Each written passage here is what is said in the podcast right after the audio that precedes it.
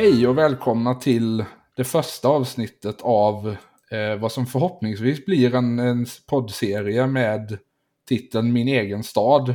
Där jag, Max Johansson, pratar med folk om det jag oundvikligen alltid börjar prata med dem om oavsett, det vill säga var de kommer ifrån. Tanken med den här podden är väl att göra någon form av någon form av mental Sverigeresa genom ögonen på folk som har vuxit upp på olika ställen och se hur de har formats av sina erfarenheter. Vår första gäst är eh, en man som, om inte annat, gärna nämner sin hemort i många olika sammanhang. Eh, nämligen Jonathan Tengvall. Hallå. Välkommen hit. Tack, tack. Eh, hur titulerar du dig i första hand? Um, som alltså, yrkesmässigt som komiker skulle jag säga. I livet kanske också i och för sig. Ja. Um, Nej, det, men jag ja, tänk... det kanske är min största identitetsmarkör. Ja, nej, men jag tänker mer om det är, det är liksom komiker eller poddare eller vad det Ja, komiker är ju liksom alltid grunden på något sätt, det man kommer tillbaka till. Det brukar vi Ja. alltid säga, jag och de andra som håller på med poddar och annat. så Att varje gång efter, efter ett gig så går man av och så känner man så, fan det är ju det här som är grejen egentligen. Ja, nej men liksom oavsett, oavsett vad man tycker om komikeryrket så är det ändå mer respektabelt än att gå runt och kalla sig för poddare, tänker jag. Ja, jag vet inte om folk gör det. Alltså, Finns det, det kanske de gör nu. Men, Ja, men jag har, tänker att vet typ- inte om jag har mött någon som är så, jag är poddare. typ Kristoffer Triumf. Ja. Tror han kallar sig för poddare? Är han inte så? Jag är programledare eller något sånt. Ja, det är väl liksom... Men, ja men du håller ju ändå på nu igen, får man väl säga, och stå på scen. Ja, absolut. Eh, det blir ju så när man blir instängd ett par år att det är svårt att komma ut och köra standup. Men Ja, och det var ju en, Det- en... Jag antar att det fick en spännande effekt där när liksom hela branschen blev instängd samtidigt. ja, det var ju konstigt och liksom panic station så att alla var så, vad fan ska vi göra nu då? Eh, och jag och Marcus Tapper, vi gjorde ju du- dubbla poddar varje dag i hundra, över hundra dagar Ja. när, när lockdownen började. Så det var ändå Jag en är en- produktionstakt. Jag är ändå ganska imponerad över det att ni inte sa samma sak två gånger. Ja, det var riktigt eh, sjukt alltså. All, hela dagarna gick ju bara ut på det. Och vakna på morgonen. Eh, och så, var så, så bodde vi halvt ihop nästan vid den tiden. Och så var det bara så, okej, vad ska vi göra idag? Och så fick man hitta på någonting, något nytt ämne eller någon ny idé och bara köra liksom en halvtimme. Ja, samtidigt är väl det liksom på något sätt det mest renodlade Ja, det blir det på som ett det sätt. kan bli. Alltså undantaget då att ni liksom inte fick möjligheten att stå på scen och göra någonting inför folk. Ja, Vilket väl kanske är, ja men som du säger, det är väl det som är kärnan i det någonstans, den interaktionen. det är ju det faktiskt. När kommer det här avsnittet ut, vet du det? Eh, nej, Nej. när jag åker klippa det, men förmodligen typ i helgen eller nästa vecka. Ja, men jag, ja, för sig, det är ju inte så lång tid. Men för att vi släpper ju, vi släpper ju biljetter till en eh, turné va, i höst. Så det finns Just ute det. nu. Eh, Exklusivt, som ingen, ingen vet när vi spelar in där. Eller ingen vet, några kanske Ja, har precis. misstänkt. Hintat om det. Men det kommer finnas biljetter för 20 städer i höst. Så då blir det fan stand-up på riktigt ju. Oj, oj, oj. Ja. Men eh, alltså egentligen är det ju inte din, eh, din komikerkarriär vi är här för att prata om, utan det är ju kanske vad du gjorde innan dess. Absolut. Och ehm, vi kan ju börja den här, eh, det här frågeformuläret som jag då har skrivit med, eh, alltså först och främst fullständigt namn, för det ska det tydligen vara i sådana här poddar. Det ska ju alltid vara fullständigt namn. Ulf Einar Jonathan jag misstänker Tengvall. att... Ja, förlåt. Nej, det är ingen fara. Det är ett, eh, det är ett långt fullständigt namn. Ja, nej men eh, alltså som så mycket annat här i världen så misstänker jag att vi har Johannes Finnlaugsson att skylla på. Kan vara så ja. Eller Olof Lund möjligtvis. Jag vet inte om man kör fullt, eh, fullt namn i och för sig. Nej, alltså just, eh, just, just sportpoddsvärlden är jag ju väldigt dåligt Ja. insatt i, ska jag erkänna. Men jag antar att det var för att han, liksom, han gjorde en podd om Palmemordet och då vill han liksom introducera folk på det sättet som misstänkta i mordfall introduceras. Och då är det ju alltid liksom namn, full, fullständigt namn, ålder Just det ja. Ja, det så finns en vidare. del sådana. Alias jobbade han ju med också. Alias ja. Fan, det är ändå synd att man inte var med där. Ja, precis. Jo, men han la väl den på is för inte sådär jättelänge sedan. Ja, men det, det känns ju också som en sånt projekt som har en viss brintid ändå. Nej, det, Ja, alltså hur... till och med Palmemordet borde det ju bli slut på vinklar förr eller senare. Man tycker det, men de, de kör ju bara på. De, det, det kommer ju fortsätta tills liksom ingen misstänkt är fortfarande lever och sånt. Det kommer ju bara vara. Ja, nej men typ. Ehm, men eh, ja, nästa fråga då. Uh, födelseår. Födelseår 1994. Ja, jag tänker att det gör det lite mer tidlöst än att säga hur gammal du var när vi spelade in Det är detta. smart det. Det är som ett sånt, eh, det är verkligen pojklagsgrejen. Eller liksom sport. Ja, men exakt. Och det hjälper också till lite att eh, placera liksom din erfarenhet i tid. Mm, ja, absolut. Eh, det gör det ju. Och det är en bra, en bra benämning för alla oss som är uppväxta med idrott. Att vi vet hur man kallar varandra efter den grejen. Ja, exakt, exakt. Eh, och så är det ju då naturligtvis eh, den frågan som kanske hela formatet kretsar kring, nämligen din hemort. Gustavsberg. Just det. Ja, men för de, som, för de som inte har koll på det så är det alltså centralorten i Värmdö kommun. Det stämmer bra det. Det finns ju ett par Gustavsberg ute i, i landet, eh, kan jag tänka mig. Ja, Så- men det kan jag tänka mig. Det är ju faktiskt ett, det är ju ändå ett ganska intetsägande ortsnamn. Det är ju det och eh, jag vet knappt ens var det kommer ifrån om jag ska vara helt ärlig. Jo, jag kan avslöja detta för att jag har nämligen gjort en liten dykning i eh, ortens historia. Vad härligt. Research och allt. Ja, eh, jag är ju som sagt konstaterad autist. Ja, ja, men det, det halvt lät det på det ändå. Det var inte så autistiskt att inte veta vad det är för benämning man har själv. Ja, nej men eh, det här är ju, det är ju faktiskt, alltså liksom oavsett hur mycket sådana, både liksom bruksorter och yttre förorter till Stockholm, som man väl ändå får säga att det är, Ja, på något sätt. har ju liksom rykte om sig att vara ganska intetsägande ställen. Men jag tycker ändå att Gustavsbergs historia är lite småintressant, för det är liksom någon sorts Sverige i mikrokosmos. Mm. För det börjar då, ja som sagt det ligger på Värmdö i, eh, åtminstone på medeltiden så räknades det till Värmdö socken, som då i sin tur ligger i Värmdö skeppslag. Mm. Eh, vilket alltså innebär att det tekniskt sett hör till Roslagen. Jaså, till och med det. Så en liten, eh, en, en liten bonusfråga här kan man väl då slänga in. Känner du dig som rospigg?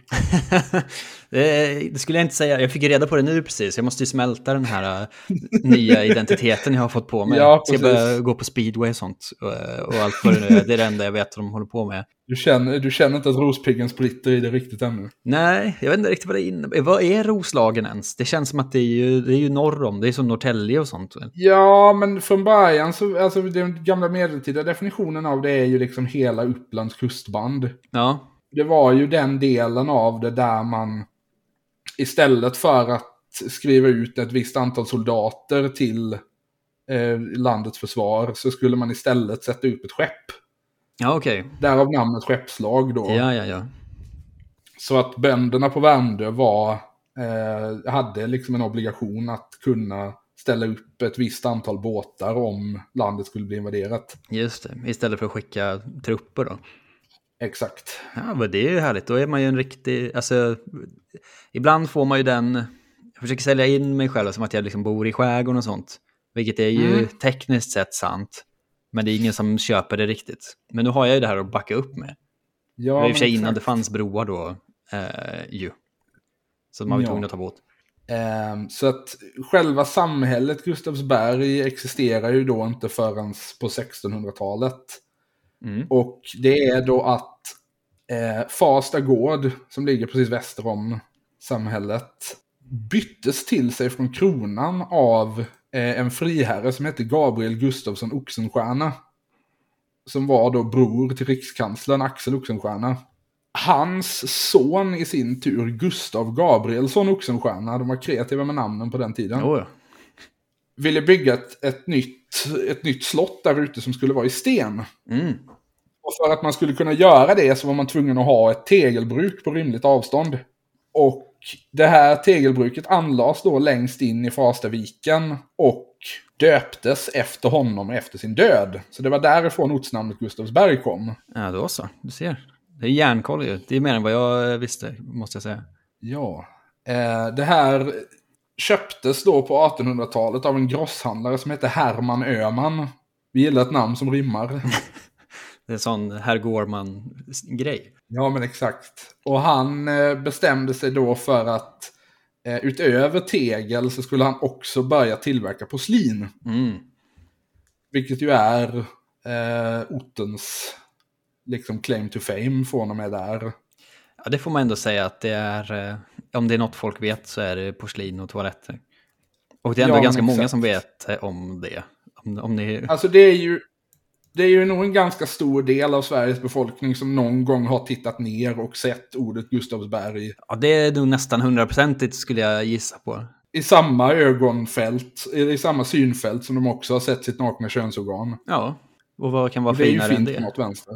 Ja, men exakt. Eh, så att det här blev då ett, en ganska typisk bruksort på något sätt Mm. efter det. Och ehm, ja, jag läser här på Wikipedia, den snabbt växande bruksorten kom att domineras av progressiva brukspatroner som gjorde Gustavsberg till ett mönstersamhälle. Den mest betydande av dessa var Wilhelm Odelberg som var verksam från 1869 till 1920-talet. Och även var konservativ riksdagsman. Ja, det här är fin, fint folk vet du. De har gator överallt nere i, nere i Farstaviken. Ja. Han styrde över Gustavsberg i en patriarkalisk anda och för att slippa inblandning från Värmdös kommunpolitiker såg han till att Gustavsberg bildade en egen kommun 1902. Villkoren för arbetarna var då så svåra i Gustavsberg att det dröjde till 1919 innan man vågade bilda en fackförening där. Ja. Det vill säga nästan en mansålder senare än i övriga Sverige. Järnhand styrde med på fabriken. Mm. Jo, men det var ju verkligen det liksom urtypiska i brukssamhället med patron som bestämmer allting. Ja, riktigt sån starke man-stämning över hela byn. Jo ja. Och han, eh, Wilhelm Odelberg, var, satt då också i riksdagens första kammare, det vill säga den både lite finare och lite mindre demokratiska kammaren i riksdagen på den tiden. Ja, Där han då tillhörde den absoluta ytterhögerfalangen. perfekt. Var liksom stenhårt mot att eh, pöbeln skulle få rösträtt och att kvinnor skulle få någon form av rättigheter alls. Ja, det, det blir väl lätt så man äger hela, en hel stad typ. De, de, är inte, de är inte kända för att vilja släppa ifrån sig makt, de gubbarna. Nej, men eh, han dog ju då ändå trots allt 1924. Mm.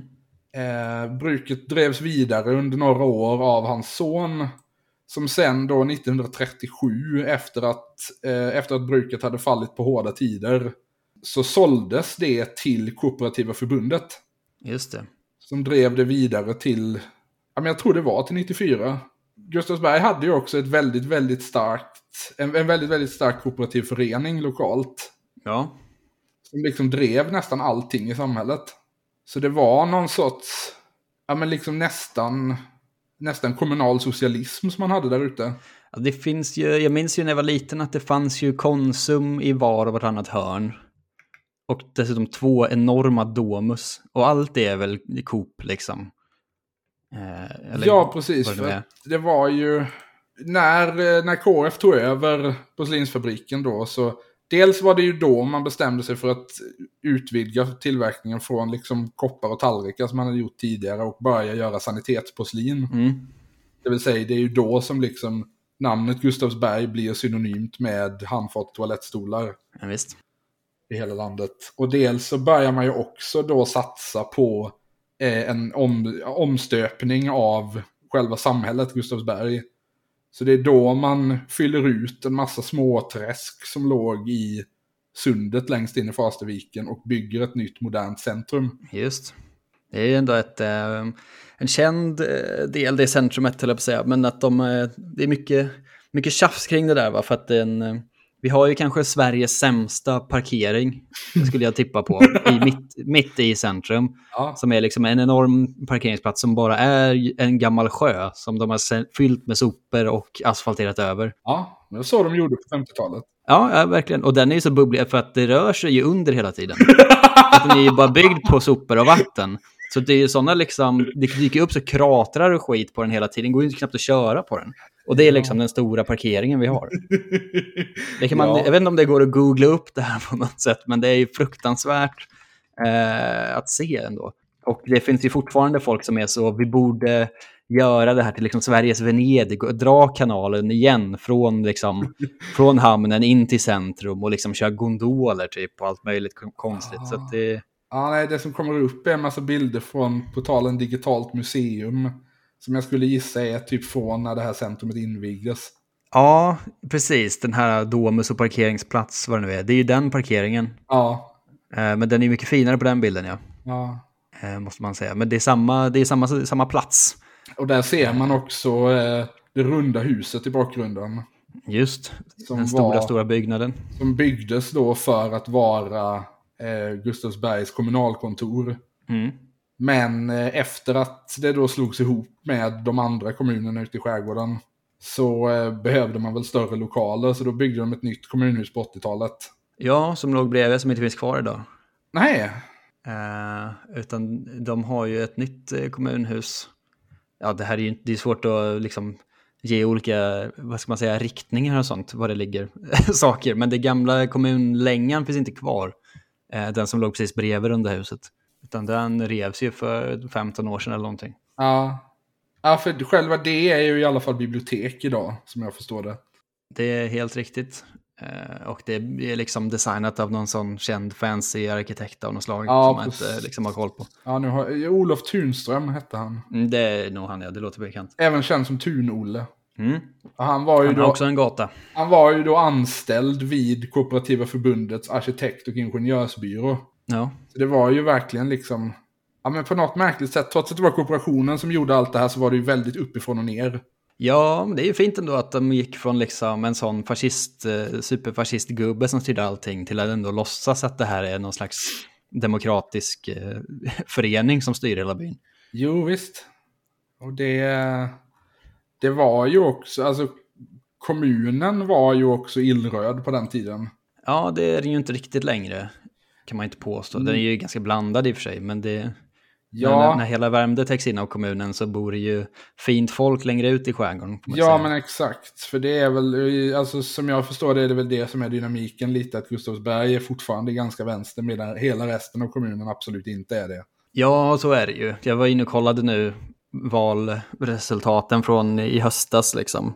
Eller nu, jag gjorde, kollade då att det är väldigt, det känns som att Värmdö kommun är som ett sånt bra tvärsnitt på hela Sverige. Att det är liksom, det är rött och sossigt och det är ganska vänster i liksom mitt i centrum och i eh, förorterna runt omkring. Och sen är det blått ute i skärgården där folk bor i villor och sånt. Och så finns det några bönder ute på Ingarö som är liksom Sverigedemokrater typ. Just det. och det är så jag tänker mig ungefär att Sverige ser ut generellt. Ja, men det är väl lite så. Alltså, du, det är ju i alla fall ett bra tvärsnitt av liksom Mälardalen. Ja, ja precis. De liksom, så, som var nära till storstäder i alla fall. Ja. Värt att nämna också att eh, Värmdö då är, det, det är ju då den, den otvivelaktigt den största ön i Stockholms skärgård och det var väl typ den femte största i landet. Ja, tills de började räkna in Södertörn och sånt Ja, där. exakt. Den jäkla skit. Eh, för det var det här jag skulle nämna då, att typ 2013 så bestämde sig SCB e helt sonika för att nu ska vi räkna Södertörn som en ö. Ja, det är väl en stor käftsmäll för oss. Ja, det är ju en, ett helt befängt koncept också, för att anledningen till att de gjorde det är ju för att Södertälje kanal finns. Gills det? Att och, man har grävt fram det? Nej, men exakt. För att då skulle ju... Jag har ju påpekat att om man, använder den, om man använder det måttet så är ju hela Sverige söder om Göta kanal också nu. Just det. Det är väl en bra poäng. För Södertälje kanal har ju också en sluss. Ja. Så att om vi räknar slussar som kontinuerligt vatten så är ju dessutom inte Mälaren en sjö längre. Ja, det är mycket grumligt det där alltså. Ja.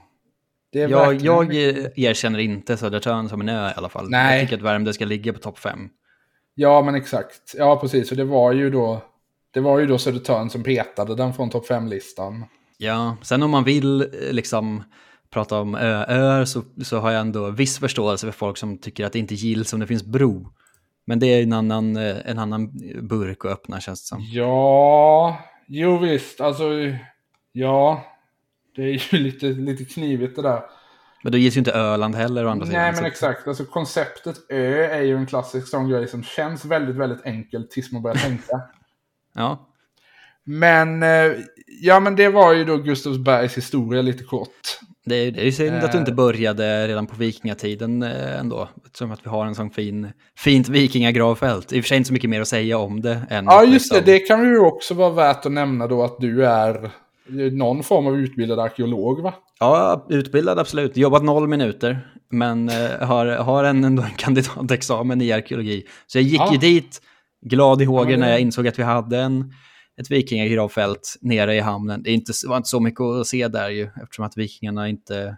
De, eller ja, ingen i Sverige har väl lämnat efter sig så mycket feta grejer å andra sidan. Men det är sådana små runda stensättningar och sånt. Det går att hitta. Ja, nej, men det är väl liksom jämfört med nere på kontinenten där du har massa romarlämningar och sådana grejer. Ja, där är har vi ju väl- ingenting att sätta emot. Vi, på, alltså, inte förrän det är liksom medeltid då vi börjar bygga kyrkor och sånt i alla fall. Nej, men precis. Men det finns, det finns. Då låg ju nästan hela Värmdö under vatten å andra sidan. Eh, Just det. Strandlinjeformationer och allt sånt där tråkigt som man kan eh, sätta sig in i. Som jag hade kunnat en gång i tiden. Ja. Nej, men eh, det är väl, ja, men det är väl ortens historia lite kortfattat då. Eh, Det var vikingar som var här och lämnade grejer och sen så var det en, eh, en friherre som skulle bygga ett slott och sen så var det brukspatroner och sen så var det någon sorts socialistiskt mönstersamhälle och sen eh, i samband med att allting det krackelerade och KF sålde bruket till ett, något holländskt företag som sen la ner det Ja, eh, så kommer Jonathan Tengvall. exakt. Och resten är historia som det heter va? Ja, och då kan vi kanske gå över till det lite mer personliga. Absolut. För att, eh, ja men vi kan ju börja med liksom, vad har du för, för rötter på orten? Eh, inga egentligen. Jag, eh, jag och min eh, lillebror då är väl andra generationens invandrare som det heter. Andra, på andra sätt. Eh, utan mina föräldrar flyttade hit innan jag föddes precis. Om jag ska försöka komma ihåg det här rätt nu. För de träffades i Stockholm och så bodde de i en lägenhet inne i stan ett, kort tag tror jag. Och sen flyttade de till Gustavsberg långt utanför, alltså till Norra Lagnö. Som ju då är, verkligen är en, Oj. en ort som tekniskt sett tillhör Gustavsberg men ligger precis vid vattnet. Eh, där det bor liksom fint folk och sånt där. Där de hyrde typ ett timmerhus. Eh, där jag bodde liksom i, under mitt, mina första nio månader eller något sånt där innan de flyttade in till, liksom, till stan då inom citationstecken. Ehm, så det är ju där, därifrån mitt min koppling är. Annars har jag ju liksom ingenting. Min mamma är från Västerås, min pappa är från Malmö, så jag har ingen annan koppling till byn mer än jag själv. Liksom. Vi är, jag och min bror, vi är först på det sättet. Ja. Nej men det, för det är ju, alltså i skärgårdsmiljö är det ju gärna lite känsligt det där. Ja, det finns ju, nu är det är liksom inte skärgård på det sättet riktigt, men Nej. Jag har ju gamla jag- kompisar som är så tredje, fjärde generationens Gustavsbergare ändå. Så de Ja. har ju sett hela byn, eller samhället liksom byggas upp på riktigt. De kommer ihåg socialismen. Ja, ja, de minns när det liksom, det knappt gick bussar in till stan och sånt, du vet. Att det tog liksom en Mm. timme att åka in till Stockholm och allt det där. Ja, just det. Ehm, för att...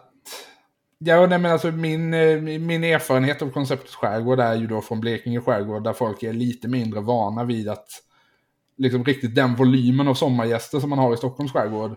Ja, den är ju otrolig. Men eh, där är det ju liksom fortfarande en sån grej att eh, har du inte bott liksom på ön i minst tre generationer så får du inte påstå att du är därifrån.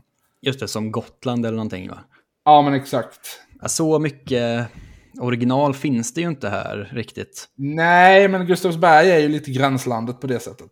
Så är det ju, eftersom att det bor Tänk så att hade många du människor bott här nu. på Möja eller något så hade det kanske varit annorlunda. Absolut, då tror jag att hade, då finns det riktiga skärgårdssläkter. Liksom. Nu är det bara som en ganska vanlig bruksort mer än att man ska ha någon sån fin bakgrund tror jag. Min stereotyp är att exakt alla som bor i Stockholms eller liksom är sådana gamla skärgårdssläkter heter Österman i efternamn. Just det, en sån Saltkråkan-vibe. Ja men exakt, ja men det är alltså både Saltkråkan och eh, Sällskapsresan och eh, någon Povel Ramel-låt. Alltså det är ett sånt namn som liksom är förknippat med skärgården i exakt all populärkultur. Ja men såna, det är bra praktiska namn som bara påpekar, man har liksom ingen identitet utöver vart man är ifrån. Typ. Att det är så, du, ni bodde ju på Öster, Ja men precis. så nu heter ni väl det. Den, den stämningen. Eh, men du... Så du är liksom... Dina föräldrar hade flyttat dit. Ja, precis. Så jag, Liksom av en slump då nästan, eller? Ja, jag vet faktiskt inte riktigt varför eh, det blev så, men de vill väl eh, liksom flytta ut utanför stan när de skulle få barn, I guess. Ja, som man gör. det var på den tiden det funkade så. Ja, det gör det ganska mycket fortfarande. I alla fall de som flyttar ut till Gustavsberg numera. Men de flyttar Ja. från liksom Södermalm eller Nacka nu, Ja, just det. typ. Ehm, för att det är liksom lite inne att göra det. Jaha, är det det igen? Ja, i alla fall att flytta hit för att det finns ju, jag kanske kommer in på det sen, men de bygger så inåt helvete mycket nya fina eh, bostadsrätter här. Ah, Eh, ja, ja. Så att liksom befolkningen är ju mångdubblad sedan jag var barn bara. Ja, jo, men det var en sån grej som jag la märke till också. Att liksom, ja men om man tittar 95 så Ja. bodde det ungefär 9000 människor i Gustavsberg. Eh, idag, nu har ju i och för sig tätorten vuxit ihop med en massa andra, men enligt SCBs definition av vad Gustavsberg är så bor det då 24 000 människor där idag. Ja, och det är ju lite förvridet då, men säg att det bor 15 i alla fall. Så det, är, det måste vara en dubbling från när jag var Ja. liten. Det är det nog. Eh, och det är ju för att det är massa nya hus och sånt. När, jag, när folk kommer hit för första gången så brukar jag liksom gå runt och peka på allting som inte fanns när jag var barn. Bara för att visa hur, liksom, Ja, ja, hur allting är förstört nu. Ja, ja, men det är ju en klassisk grej. Alltså det hör ju också till kulturen i den här sortens samhällen på något sätt. Ja, gud ja. Och då pratar vi ju inte om bruksorter då, utan om liksom yttre förorter till storstäder. Mm. Eh, för det var ju liksom exakt samma sak när jag, eh, när jag flyttade till Malmö så skulle ju alla gubbar peka och ja men här var det fält och här var det fält och Japp. Där låg det någon gård och Nu finns Ja. det ju restaurang och sånt. Det fanns det ju absolut inte när jag var liten. nej. Men det kan vi, alltså det för mig ju vidare till min nästa fråga här då som är liksom när du, när du var barn i Gustavsberg, vad var liksom bilden av vad det var för typ av ort? Eller hur, kände, hur relaterade du till, till samhället? Um, alltså för mig är det ju en bruksort med liksom allt vad det innebär. Um, alltså jämför med valfritt, liksom, inte vet jag, andra bruksorter i Värmland eller vad det nu är. Det är ju liksom, och det är lite kommit tillbaks, fast nu är det mer delat. Det känns som att det var mer arbetarbruksort då än vad det är idag. Ja okej, det är mer liksom sovstad nu.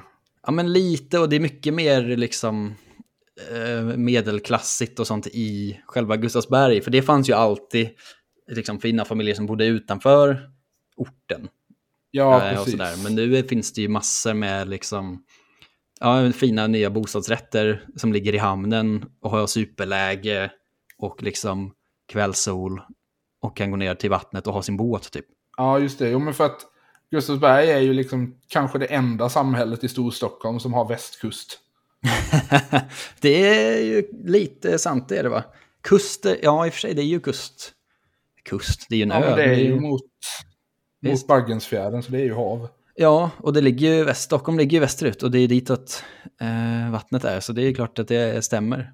Men eh, ja, så det har ju ändrats på det sättet, tycker jag. Sen är det ju en konstig plats, för att man kan ju inte relatera riktigt till någon annan som är från liknande bruksorter, för att det ligger ju en halvtimme från Sveriges överlägset största stad. Ja, Så att man det tar är, ju bussen inte in. riktigt, det är kanske inte riktigt samma sak som att vara uppväxt i Lesjöfors.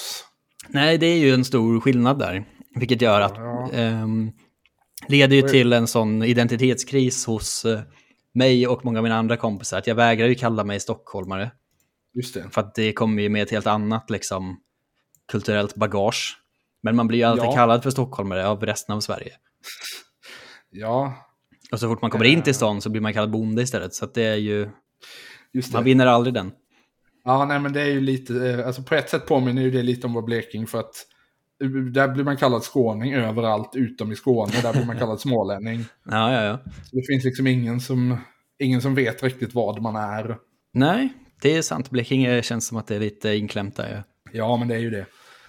Eh, Ja, och det, den här närheten till Stockholm antar jag också spelar en ganska stor roll i att du har kunnat bo kvar. Ja, absolut. Det Och att du liksom är någon sorts kulturarbetare. Ja, så är det ju. Och eh, det hade ju inte gått om det här istället låg i Norrlands inland. Eller vad, det, vad man nu kan tänka sig, något pappersbruk i, i liksom Skärblacka eller vad det nu är. Utan det är ju Ja. för att det tar 30 minuter med bussen till Slussen och sen är man ju i centrala Stockholm. Liksom. Men så var det inte heller alltid varit. Eh, jag tror inte att den busslinjen som går oftast, den fanns inte när jag var liten. Den kom ganska fort, men det är ju, bara bussar och sånt var ju också relativt nytt. Att de går så ofta och så snabbt. Ja, och ja. Men det är någonting som har hänt i din livstid då? Jag tror, jag vill minnas det, att liksom motorvägsbussar alltså, fanns knappt när jag var liten. Ja. Vi antar väl att det fanns någon form av...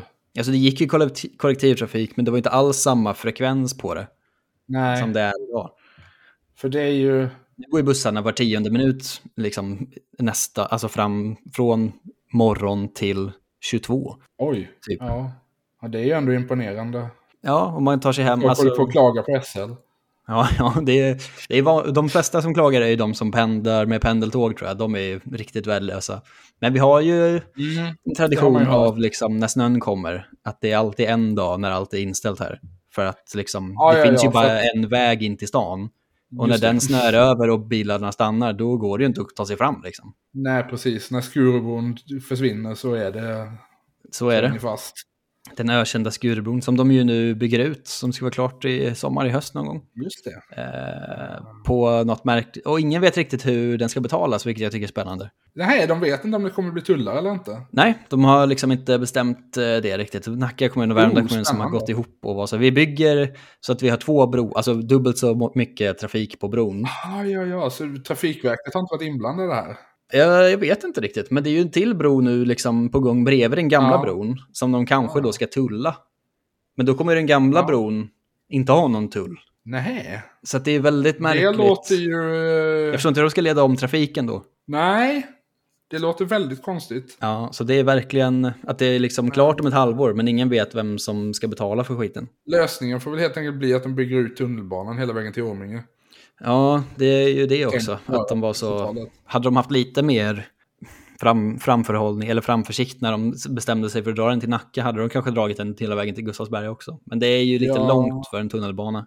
Ja, men eh, jag tror att som sagt planeringen var nog att den skulle sluta i Orminge. Ja, kanske. Det blir den, den riktigt gamla planeringen alltså. Men nu är det ju som sagt då Nacka Forum som är slutdestination. Ja, Orminge är ju en riktig håla. Det är ingen som kommer vilja åka dit för att ta tunnelbanan. Inte ens, det, inte ens till Nacka liksom. Det är ingen idé nej. om man ändå ska till Gustavsberg och byta där istället. Ja, nej men alltså Orminge är väl ett, ett typexempel på en sån förort som byggdes med 100% tanke på att här kommer det gå, eller tunnelbana i det här fallet då, mm. om tio år. Och sen kom den aldrig. Nej, Orminge är riktigt, riktigt tradigt alltså. Ja, Jo, men det finns ju sådana samhällen runt omkring, alltså snart sagt varje stad i Sverige. Så är det ju, och de har ju ändå Markoolio, så det är ju någonting. Just det. Det är ju mer än vad vi har kan jag säga. Ja, men det är ju liksom, ja men det kan väl bli nästa fråga då, men liksom när du, när du växte upp mm. och eh, vad var det liksom för folk man, man såg upp till som liksom det här är byns store son eller? Alltså det finns ju inte riktigt. Um, skulle jag vilja säga. Det är ju den här liksom, kända Gustavsbergare på Wikipedia är verkligen ett hopkok. Alltså det finns ju då det, um, bandet Noise. Som ju Just ändå det. var stora väl en ja, gång i tiden. de har ju till och med gjort en låt som heter Gustavsberg. Ja, den är fruktansvärd. Det kan jag rekommendera. Vi tänkte ändå när den kom att så, fan nu har vi ett, ett anthem för byn. och så är det kanske den sämsta låten som någonsin har gjorts. Vi levde där i Gustavsberg Den plats som var vårt hem Ja, men alltså jag vet inte om det är 100% PK att kommentera det här, men Noise var ju inte bra efter att han som sjöng i det från början dog. Nej, det är ju många av dem som dog eh, liksom, tidigt också för att de var så ja. trasiga. De är ju väldigt mycket gamla Gustavsberg, eh, får ja. man säga, den känslan. Alltså... Ja, men det är ju liksom, å ena sidan så sjunger de ju väldigt mycket om hur mycket livet suger. Ja. Å andra sidan tror jag ju att om inte annat i och med att deras kanske kändaste låt heter En kväll i tunnelbanan, så tror jag det är ganska många som bara förknippar dem med Stockholm. Ja, det, det är nog sant det. Men jag vet ju att det liksom var, ja de var ju eh, arbetarfolk på det viset, att det var ju hårt, hårt eh, supande och allt möjligt Mm, eh, den gången. Men vi alla har ju gått på samma skola som dem och sånt, så det är ju just det. så mycket, så nära är det ju ändå. Den högt rekommenderade skolan som de... Oh ja, där man liksom, de, de Sjöng, spelade ja. musik på, eh, på fritids och sånt. Nu, se här barn, om ni, om ni ägnar er riktigt hårt åt de här gitarrövningarna Mm. så kan ni också en gång skapa konst av hur förjävligt livet är här ute. Ja, ja, och dö i någon överdos vid 23 eller något. Vad de nu håller på med. Lysande dagar. Så det är ju mest dem. Sen så, räk- sen så liksom har ju den här Wikipedia-författaren då generöst räknat in eh, syskonen Wahlgren. Eh, som ju då Ja. egentligen kommer ifrån eh, tidigare nämnda Norra Lagna där jag också är född. Eh, och Jaha, det en kort tid, Ja. tid i mitt liv. Och där fortfarande Kristina Skolin bor tror jag med, vad fan han nu heter, Hans pappan Hans. Wahlgren. Ja, exakt. Ja, det är väl hans. Eh, så att där, där ute ändå en koppling till Mm. på något sätt. Det är imponerande ska jag säga hur långt bak man kan hitta artiklar för medlemmar av familjen Wahlgren på Wikipedia. Ja, det är så. För den tidigaste är då en Karl Fredrik Wahlgren född 1811. Jävlar du. Det är en, en sån fin släkt, det visste man inte. Som är ja, men farfars far till Hans Wahlgren tror jag. Ja, Eh, han var kyrkoherde i Skedevi i Östergötland. ja är det samma släkt? Ja, som jag förstår det. Ja, det ser man. Jag brukar slänga, slänga in som en nugget nu att min mor berättar för mig, liksom, bara för några, i julas typ, att jag har gått i samma dagisgrupp som Bianca Ingrosso när vi var liksom tre, fyra år. Oj, Det är ja, ju- just det. Också. Ja, så, så, så nära Sveriges kulturelit har jag varit en gång i tiden. Ja. ja, men det är ju kul att tänka sig det att eh, syskonen Ingrosso då tydligen kommer från en gammal prästsläkt. Ja, det, är- det är också en härlig, en härlig bakgrundsbild. Sen är det ju inget mer. Sen är det liksom en gammal hockeyspelare, Janne Hukko, som vet inte om han har gjort någon landskamp kanske. Och, kanske, och sen är det i och för sig Ja, så en av Sveriges sagt, bästa innebandyspelare typ. Wikipedia påstår ju då att han, eh, att han har spelat i landslaget. Ja, det har han säkert gjort, men jag tror inte att det var många. Det kanske det står ju att han har gjort VM i hockey i och för sig. Det är ju någonting. Ja, men det är ju ja, ingen värre bedrift. De är ju så många. Ja, det är ju trupper på 40-50 man liksom. 44 A-landskamper, Ja, det är ju- någonting. Och VM går dessutom varje år. Ja, men visst. Vi tar vad vi kan få va. Ja, Eh, sen är det ju, ja, innebandyspelaren. Egentligen är vi ju en bandyort. Riktig bandy. Det är så. Ja, där är ändå ett bra lag som har spelat pendla mellan liksom näst högsta och liksom tredje divisionen eh, i modern tid och också varit uppe högt, ganska högt och spelat tror jag. Oväntat nog. Ja. Ehm, och där är det ju stor, stor fest på nyårsbandyn varje år. ja, Nyårsafton vid liksom ett eller något sånt där, då är det, då är det riktigt, riktigt fet fest. Då, ses liksom hel, då samlas liksom hela orten nere på vallen. Ja, det var publikrekord nu senast. följerna i högsta hugg. Ja, då var jag där. Då var det typ 1300 pers eller någonting. På Ja, liksom tredje divisionsbandy i Sverige. Det är ändå någonting. Det är ju fint, ja. Det här, här pratar vi riktig bruksortskultur. Ja, ja, verkligen. Och det är alltid så nya... Man, man, man såg verkligen att det är... För det, då tar de ju dit liksom klack inom citationstecken som ju är olika 19-åringar som egentligen går mycket på Stockholms fotboll.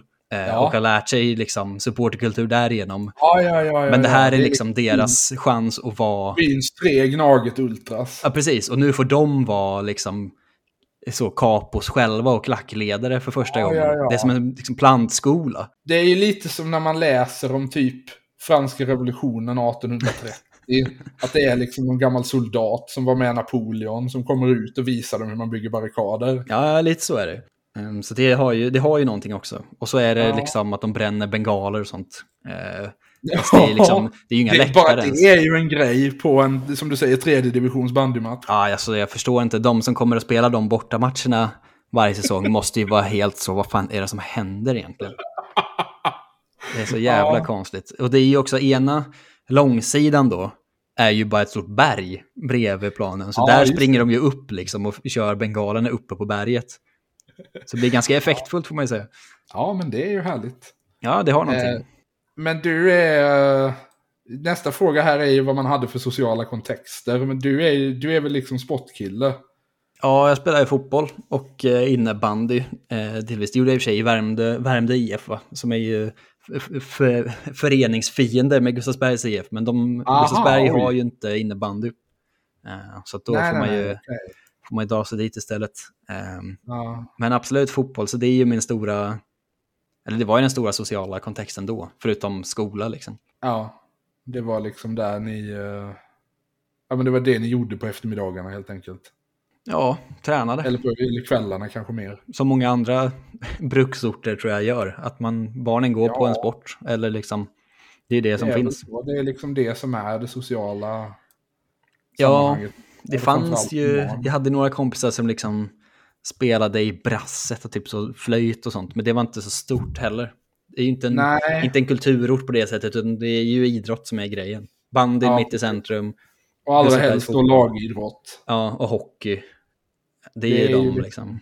Det är ju liksom också ett arv efter det här eh, det socialdemokratiska samhällsbygget. Ja, verkligen. Att man skulle ha, det var liksom lagsport man skulle premieras för allting annat byggde liksom upp någon sorts småborgerlig individualism. Ja, jag kan inte ens komma på individuell sport som finns i, i byn överhuvudtaget. Man kunde Nej. gå på ridning liksom för att det fanns något stall typ. Ja, eh, men det var ju, det är ju en sån grej man hör att det var liksom folk som var förbannade på Björn Borg, att det var han som skulle representera Sverige. Ja, han bor ju här nu, så att det Ja. Han har tydligen, han, liksom... eh, han är bra i gasen på gamla O'Learys ibland kan jag säga. Jaså ja. Oh ja. ja. Men då har ni ändå, alltså det känns ju ändå som om ni har en del liksom inflyttat folk. Ja, så är det ju. Åtminstone till liksom de gränsande områdena, eller vad man ska säga, runt, runt om Gustavsberg. Det bor ju liksom, Carola bor ju på Värmdö och Markoolio bor väl på Ingarö. Lasse ja. Granqvist bor här. Chris Härenstam, sådana människor som är liksom ganska kända. Eh, jag tror också att det är ute på Lagnö då, nu är det mycket Norra Lagnö här, men det, när jag ja. gick liksom... Men det är ju, det är ju hemot... Det är det ju. Eh, och där jag liksom gick på dagis och lågstadiet, det är ju en, en privat skola liksom. Eh, ja. Och där, vi gick ju där för att min mamma jobbade på den. Men i övrigt var det ju ganska mycket ja. övre medelklass och ännu mer eh, efter att vi gick där när det var nytt. För nu, då gick det sen liksom kändisbarn och sånt eh, ja. på den på det förskolan. Ja, precis. Mycket. Bianca Ingrosso. Ja, det var ju ändå tidigt, för det var ju min ålder. Men så, alltså, ge det 15 år till, 15-20 år till, så Aha, går det ju riktiga liksom kändisbarn. Gamla, gamla tv-personligheter och fotbollsspelare. Ja, mycket så programledare, små barn och sånt. Det var till och med någon så diplomatbarn som hade liksom livvakt ibland och sånt. Oj, jävlar. Mm, så det är, ja. det bra rykte där ute. Det är alltid, alltså konceptet barn med livvakt, det är ju alltid kul. Ja, det är märkligt såklart. ska de göra ja. Men, eh, alltså, hade du en känsla när du var där som barn att du ville därifrån? Det tror jag absolut att jag hade. Jag kan inte komma på någonting liksom konkret, men det fanns ju, framför allt så är det ju så när man börjar gymnasiet, att det finns en väldigt tydlig, eh, dels klasskillnad, eh, men också liksom en nivå av utbildning, att om man inte kommer ifrån Gustavsberg när man ska gå gymnasiet, då är det kört liksom. För det finns ju då Gustavsbergs gymnasium, ja. G2, som verkligen är i princip för folk som kuggar högstadiet liksom. Jaha, okej, okay, ja, men det är liksom de... Eh... Ja, men man kan läsa upp svensk, man kan läsa upp grundämnena eller vad det är. Ja. Och så kan man bli typ frisör och sånt. Alltså den ja, stämningen. Ja, och så finns det också då VTG, Värmdö tekniska gymnasium, om man hellre vill bli bilmäck och sånt. De, ah, ja. de två finns. Men det är liksom yrkes... Ja, eller liksom läs upp betyg typ. Jag tror man kan liksom ja. bli någon sorts förlärarutbildning, alltså sådana grejer. Och det fanns det ändå förr ett liksom beryktat räddningsgymnasium där, där man kunde bli liksom brandman och liksom sådana saker. Aha, Men det är inte kvar längre. Nej, du hade lagt ner när det var din tur. Så var det. Så alla gick ju antingen Nacka gymnasium eller Värmdö gymnasium inne i stan då som är liksom... Och där sprack dina brandmansdrömmar för gott. Jaha, de var inte så starka. Kan jag säga. Men det fanns ju då två jättestora gymnasium som lockade som är liksom bland Stockholms tio största ja. elevmässigt istället. Just det. Så att, eh, och det var ju den stora, den stora grejen att gå på Värmdö gymnasium som ligger vid Gullmarsplan i Stockholm. Eh, för att kommunen drev den skolan. Förvirrande, men ja. Ja, väldigt konstigt ju.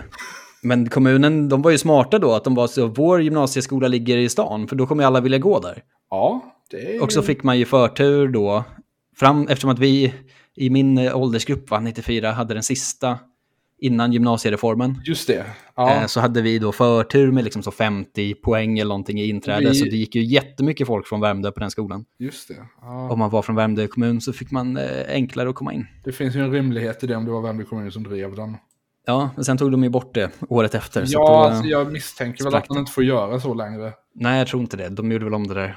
Ja, jag var ju, alltså min årskull 96orna då var ju de, de sista som gick, som fick gå klart eh, högstadiet med det gamla betygssystemet. Just det. Men sen eh, när vi skulle söka gymnasiet så var det ju det nya. Ja. Vilket jag kommer ihåg att jag var förbannad på för jag ville gå på rymdgymnasiet i Kiruna. så här i efterhand är jag nog ganska glad över att de drömmarna krossades också. ja, det låter ju kanon. Alltså rymdgymnasiet ja, Kiruna vet jag fan. Ja, ja, jo, i och för sig. Det. Det är ju trots allt 150 mil hem. Ja, jag var 15 år gammal. ja, det är ju mer än, än tre mil eller vad det var till två mil till Gullmarsplan. Ja, Det får man ju säga. men eh, ja. Men alltså när du, när, när du ser tillbaks på den tiden känner du att liksom nu är ju det här en lite, kanske en lite laddad fråga i och med att, som vi konstaterar, själva samhället har förändrats väldigt, väldigt mycket sedan dess. Ja, så är det ju. Men känner du att liksom bilden du hade av Gustavsberg då är kraft, alltså ännu mer annorlunda från bilden du har av det idag? Alltså för mig är det ju ganska samma, eftersom att jag fortfarande bor här Ja, eh, och ja aldrig precis. riktigt Du har ju liksom flyttat. inte, du har inte kommit tillbaks till det. Nej, och eftersom att jag nu snart är 30 så har, ju liksom, har jag ju sett hur, hur orten förändrats på nära håll och blivit en sån sur gubbe nu. Ja, Som är det är så, det var bättre skönt. för eh, person. Som, som andra är när de kommer hem till liksom till byn. Jag har ju massa kompisar som kommer hem på jul och på sommaren och sånt som varit och pluggat och allt vad det är. mm. Vars föräldrar fortfarande bor här. Men de har ju mycket mer en sån, eh, jag vet inte, positiv och negativ bild i och för sig. Men att de tänker så, fan vad fint det är hemma i Gustavsberg. Och det är det ju, det är ju en jättefin plats liksom, på sommaren framför allt. ja. Men det är ju också att jag bor ju i liksom de rackigaste hyreshusen vi har här. eh, liksom bredvid oli- olika alkisar och liksom ensamstående föräldrar och sånt med massa barn och allt vad det nu är. Eh, så att det är ju, man ser, det finns verkligen både och på ett sätt som är lite charmigt men också är oroväckande när det känns som att vi andra gamla original trycks bort.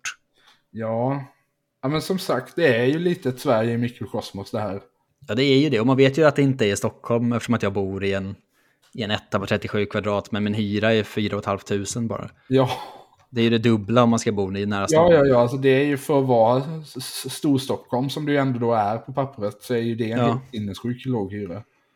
Ja, och det är ganska skönt det. Jag hade varit glad för det i Malmö.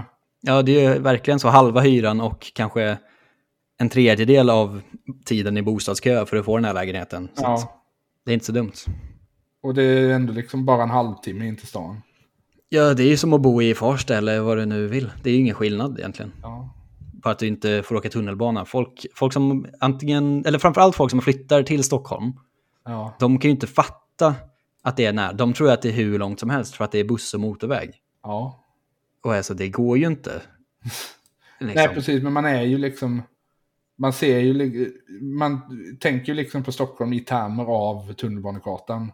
Ja, och det gjorde jag ju också när jag var liten. Min bild av Stockholm är fortfarande att allting som, är, allting som har tunnelbana är ju stan. Ja. Så är ju Stockholm som stad i mitt huvud. Ja. Fortfarande liksom. Alltså om man räknar in liksom... Ja, men... Salt, Men det är ju ingen, alltså, det är ingen vettig och människa delar av idag. Roslagsbanan så stämmer väl det ganska bra fortfarande. Det är ju Stockholms stad, men det är ju inte stan. Ingen kan ju påstå att liksom Hässelby ligger i stan på det sättet. Nej, nej så är det ju såklart. Eh, så det Det är, är ju inte liksom city också- som jag har tänkt mig. Ja, men det- alltså tunnelbanan ut till Hässelby, alltså det måste ju vara en halvtimme det tar också. Ja, om inte mer. Det är ju, och det är mycket sämre transportmedel dessutom. Ja. ja, men det folk glömmer bort om tunnelbanan är ju att den faktiskt trots allt är ganska långsam. Ja, ja, den är väldigt långsam. Eh, framförallt jämfört då med buss på motorväg. Ja, med bussfil och allting vet du. Ja. Susa fram gör. Ja. Men det är ju, ja, men som, som jag nämnde innan vi började spela in så är ju då en del av de här frågorna jag skrivit baserade på att man, att man faktiskt har flyttat ifrån sin hemort. Ja, men jag tycker du ska ställa dem. Ha, man ska alltid följa formuläret så får jag bara säga ja eller nej. Liksom. Ja, nej men eh, då kan vi ju eh, ta frågan då. Hur gammal var du när du flyttade därifrån och hur kom det sig? Ja, jag har ju bott vid eh, Hammarbyhöjden ja. ett par år med min far efter att mina föräldrar skilde sig. Just det. Och dit flyttade han då med sin nya fru, kanske när jag var 13 eller någonting. Ja. Och så bodde jag där varannan vecka tills jag var 16 typ. Ja, hur funkade det? För då gick du fortfarande i högstadiet med andra ord. Ja, jag hade börjat gymnasiet också ett tag. Ja, för det måste ju varit um, praktiskt om du då gick på den nere vid Gullmarsplan. Ja, det var det ju. Sen var det ju liksom... Eh, alltså det var ju att pendla, men det var inte så farligt. Alltså man pendlade ju lika långt till gymnasiet från Gustavsberg sen. Så det ja, var ju inte jo, så det är ju sant. egentligen. Eh, det är ju... Det är inte så konstigt. Det var ju att jag var liksom kanske yngre än vad vanligt folk är när de börjar pendla så långt. Men vad fan, den biten var inget problem på det sättet. Nej, uh, men det... Däremot lärde man sig upp, uppskatta Gustavsberg mer skulle jag säga eftersom att det är Hammarbyhöjden liksom strax söder om Stockholm där det är ju inte alls samma, det är mycket mer stadsmiljö. Ja, det är det ju. Jag har ju och då är det ändå ganska nära till olika naturområden. Uh, och det är ju liksom, ja men det är ju verkligen förort. Ja, jag tyckte det var deppigt att man inte kunde gå ut och springa i skogen precis bredvid liksom. Ja. Eller gå och bada typ. I ja. havet. Ja, det är ju... Man kan ju gå ner till Hammarbyhamnen och bada, men det är kanske inte det renaste vattnet. Nej, och man kan ju springa till skogen, men då har man ju redan betat av liksom en halv mil. Att... Just det. Ja, men det är alltså det att du slutade bo där, det var bara för att du blev gammal nog så du inte behövde Ja, eller liksom det är väl en massa liksom familje, privata anledningar höll jag på att säga, men det skar ja. sig lite sådär. Men eh, ja, vi behöver ju såklart gå in i dina föräldrars skilsmässa i sådär allt detalj, tänker jag. Eh, det är en annan podd kanske. Men sen var det ju också, ja, alltså det var ju också sen jobbigt. Det tror jag all, alltså de flesta som har bott varannan vecka-liv tror jag ändå slutar göra det i 15-årsåldern ungefär. Nästa podd blir min egen barndomssituation. Men alla, alla lär sig där någonstans att så, nu är det för mycket liksom, att bo på två ställen. Jag är ju, bör, ja. försöker ju börja bli lite vuxen nu. Jag kan inte hålla på och liksom flytta runt mina grejer hela tiden. Ja, men exakt. Det är ju, det är ju naturligt. Ja. Men då föll valet på Gustavsberg helt enkelt. Ja, absolut. Och det var inte en svår fråga på det sättet. Nej, ja, men du var väl där du hade dina kompisar antar jag. Ja, allting hade jag ju där i princip. Eh, förutom gymnasiet då, då, som precis hade flyttat in till stan. Men det är en annan... Mm. Dit åkte ju alla andra den vägen ändå. Så att... Just det, då sågs ni ändå på bussen. Ja. Ja, men känner du att, alltså, när du liksom går ut i världen idag och är, ja men det, kör standup och är med i poddar och så, känner du att du liksom representerar Gustavsberg då? Uh, ja, eller det är ju lite är lite liksom, oödmjukt att säga det kanske, att jag skulle representera hela Gustavsberg. Men i mitt, i mitt huvud så bär jag alltid med mig det och är liksom... Det är ändå mitt hem. Jag, jag tycker man ska vara mer lokalpatriot än vad, vad många människor är i det här landet. Det känns som att ja. det kanske är en Stockholmsgrej för att folk flyttar hit för att de inte vill bo på sin hemort. Eh, och därför skäms lite över den eh, eventuellt. Ja, men sen finns det ju liksom också den personlighetstypen liksom som ja, men mina tidigare nämnda då släktingar som flyttade upp till Stockholm. Att man liksom absolut vägrar erkänna att man har någon, någonting av Stockholm i sig och håller fast vid sin gamla lokal. Ja, det är också sant. Det finns ju verkligen både och där. Alltså det känner jag liksom framförallt är fallet med alltså stereotypt kanske norrlänningar som flyttar till Stockholm. Ja, eller liksom skåningar typ. Från andra landsändar. Ja, de, från, de som har en, en stolt identitet hemifrån, ja. tänker jag. De vägrar ju, på samma sätt som jag vägrar kalla mig stockholmare. Så det är ju samma princip egentligen, bara att jag liksom bor kvar. Ja. Får man säga. Ja, men... Så absolut, jag tycker att det är viktigt. Jag pratar ofta om Gustavsberg om jag, när jag får chansen. Ja, exakt. Sen det sista är ju då, eh, Alltså den ursprungsfrågan är ju, skulle du kunna tänka dig att flytta tillbaka senare i livet? Men då är, väl kanske, då är väl kanske det naturliga sättet att ställa den frågan, skulle du tänka dig att bo kvar resten av livet? Just det. Det tror jag att jag kan göra. Och även om jag hade flyttat, säg att jag skulle flytta iväg och sen kan jag absolut tänka mig att flytta tillbaka igen. Eh, som ett hypotetiskt exempel. För att det är ju, för mig är det perfekt läge framförallt. Ja. Nära till Stockholms stad, nära till liksom, havet, nära till naturen, lagom stort. Det beror på hur mycket de liksom bygger upp. Och, om, det, om jag kommer ha liksom svårt att känna igen mig sen. För det jag kan inte liksom- tänka mig att det kan bli hur stort som helst. Ja, nej men det är ju liksom i takt med att, ja, men att söderort gentrifieras antar jag, så kommer folk vilja flytta ut längre och längre ut. Ja, och dessutom söderort flyttat. Alltså numera sitter ju Nacka nästan ihop med Stockholm via Hammarby sjöstad och sånt. Ja, precis. Och Sickla och allting. Så det kan ju vara så att det liksom... Att hela, hela Österort, som jag försöker kalla det ibland, som ingen köper, Ja. äts upp av Storstockholm liksom. Ja, men det kommer ju säkert, alltså nu när de ska bygga tunnelbana ut till Nacka dessutom. Ja, precis. Eh, då ligger vi ju i riskzonen sen. Ja, precis. Men eh, ja. Vem vet. Alltså alla mina kompisar i mitt närmsta kompisgäng är ju härifrån. Ja. Och alla de, varje gång de kommer hit och vi, vi ses allihop, så är de ju alltid så, fan man ska ju flytta tillbaka hit sen såklart. ja, De har varit och pluggat i Linköping och olika städer och sånt. det är då du skrattar bäst som skrattar sist antar jag. Ja, men lite så ändå. Jag har ändå minne av eh, midsommarafton för några år sedan. Eh, när jag, eh, min dåvarande flickvän och två andra kompisar med deras flickvänner, att vi stod och pratade med varandra och var så, fan det är ju här man ska bo sen ju, det är ju kanon liksom. Vi måste snacka ihop oss. Och att då våra partners stod i en annan grupp och var så, vi kan inte låta dem flytta tillbaka till Rosersberg. Det går, vi måste sätta emot tillsammans nu, för annars kommer de göra det allihop. Liksom. Eh, Så att vi är verkligen rotade här på det sättet. ja, men det är ju fint ändå. Ja. Att man liksom har ett så tydligt hem här i världen. Ja, även de som har flyttat, de dras tillbaks. Ja. Så det säger väl någonting om hur, hur otroligt härligt det är här. Va? Mm. Även om man... Glömde eh, nämna det i början av avsnittet, men den här podden är alltså sponsrad av Värmdö kommun. Jag hoppas det. Det är, en, nej, det är en jävla skitkommun i och för sig. Det ska jag inte sticka under stol med. De har ju, nu har vi bytt ut kommunledningen som tur är i, i valet nu, men det var ju verkligen misskött något så grovt Ja. av den galna moderatledaren med det sinnessjuka namnet Deshira Flankör. som var liksom, ledde hela kommunen. Nej! Jo, jo, och alla hatade henne, äh, inklusive alla lokalpolitiker som också var moderater. Alltså hon var Ja, ju ja, spritt språngande galen verkligen. Det, ju, det förklarar ju också då som sagt det valresultatet som var. Ja, Det det svängde ju- verkligen eh, Ja, med men- kanske liksom 12 procent från blått till rött Mm. det, det Det senaste var det ju ganska stora delar av Storstockholm, men Mm. här hade det alltså sina särskilda anledningar. Ja, det får man ändå säga. De höll på att lägga ner alla skolor som fanns, bara ha i, i internationella engelska skolan och sånt.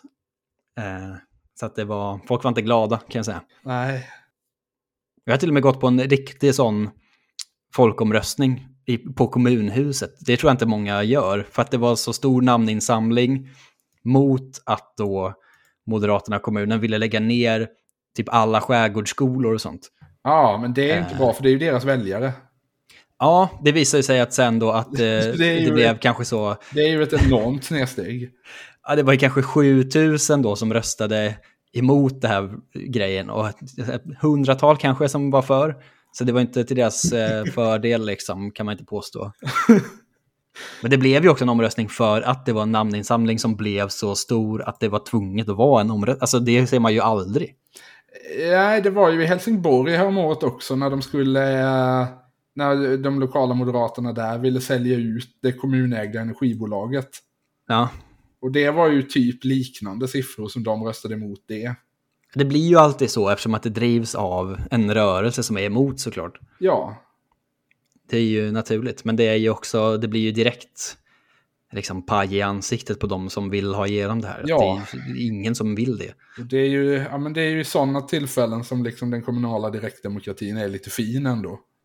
Ja, den, där är den stark. Eh, när det blir liksom bevisat att nej, de här, den här politiken är inte någonting som folk faktiskt vill ha. Nej, det är ju det.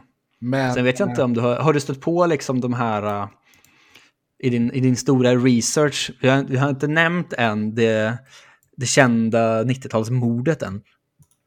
Nej, detta har jag missat.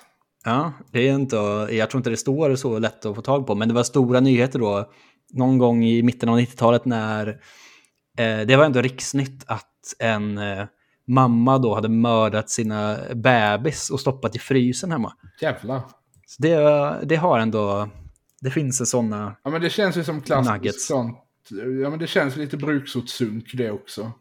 Ja, men det vill man ju ha också. Alltså sen ska man inte, man ska inte liksom gotta ner sig för mycket i olika tragiska människoöden. Någon som frystorkar sitt barn nu och då. Ja, och Arboga kvinnans föräldrar ligger begravda här, till exempel.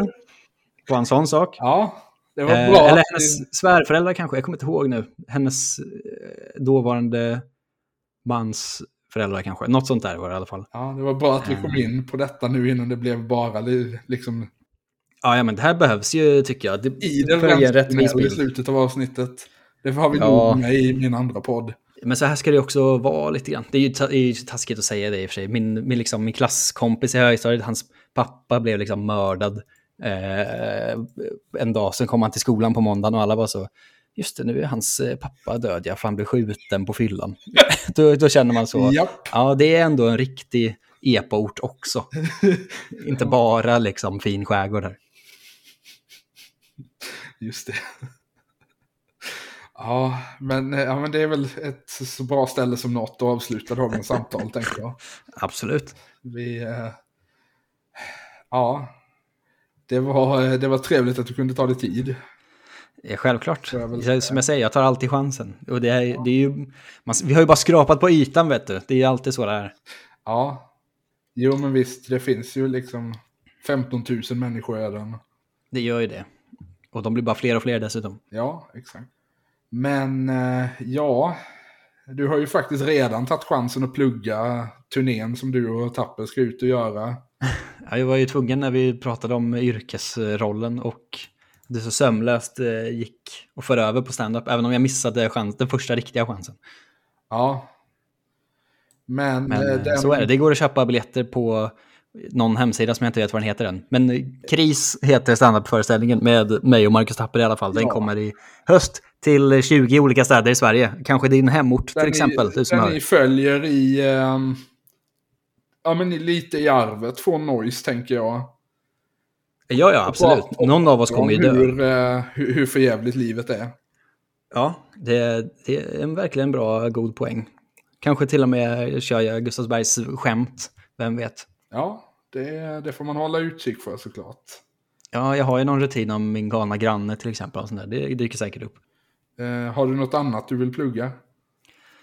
Sen gör jag ju en massa poddar och streamar och sånt eh, överallt. Jag försöker vara så mycket på internet som det går. Ja, Men eh, man kan ju följa mig i olika sociala medier framför allt kanske, så det är lättare att hitta.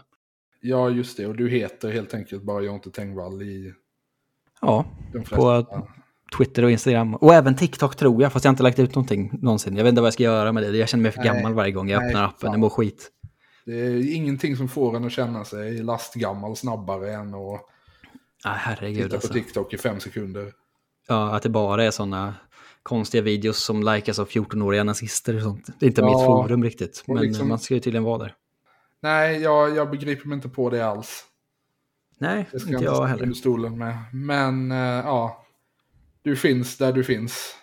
Det gör jag verkligen. Eller i Gustavsberg, om det är någon lokal, Ja, lokal som lyssnar på det här. Om ni, vill, eh, om ni vill nå Jonte så kan ni gå upp till honom på gatan när som helst. Ja, ja, jag är ofta ute och går på, på dagtid eftersom att jag jobbar mycket konstigt hemifrån med allt skit jag gör. Just det. Det är bara vinka nere i centrum. Ja, precis. När ni eh, är ute på den böljande parkeringen. Ja, verkligen. N- närmare adressen så här kommer jag inte ge ut. Det får man leta upp själv i så fall. Ja, precis. Nej, men det, det finns säkert på Ratsit. Ja, men det, det finns väl allt. Ja. Eh, och mig kan man hitta då at maxjokona. Jag, jag valde det namnet innan jag insåg att folk skulle behöva säga det högt. Mm. Ja, mest du som säger det högt. då. Jo visst, men eh, likväl. Eh, det kommer säkert att finnas någon form av länkar till någonting i avsnittbeskrivningen. Och eh, ja, vi får väl se om det blir något mer av det här, men i så fall så hörs vi. Det tycker jag att du ska jaga folk. Ja, hej hej! Hej då!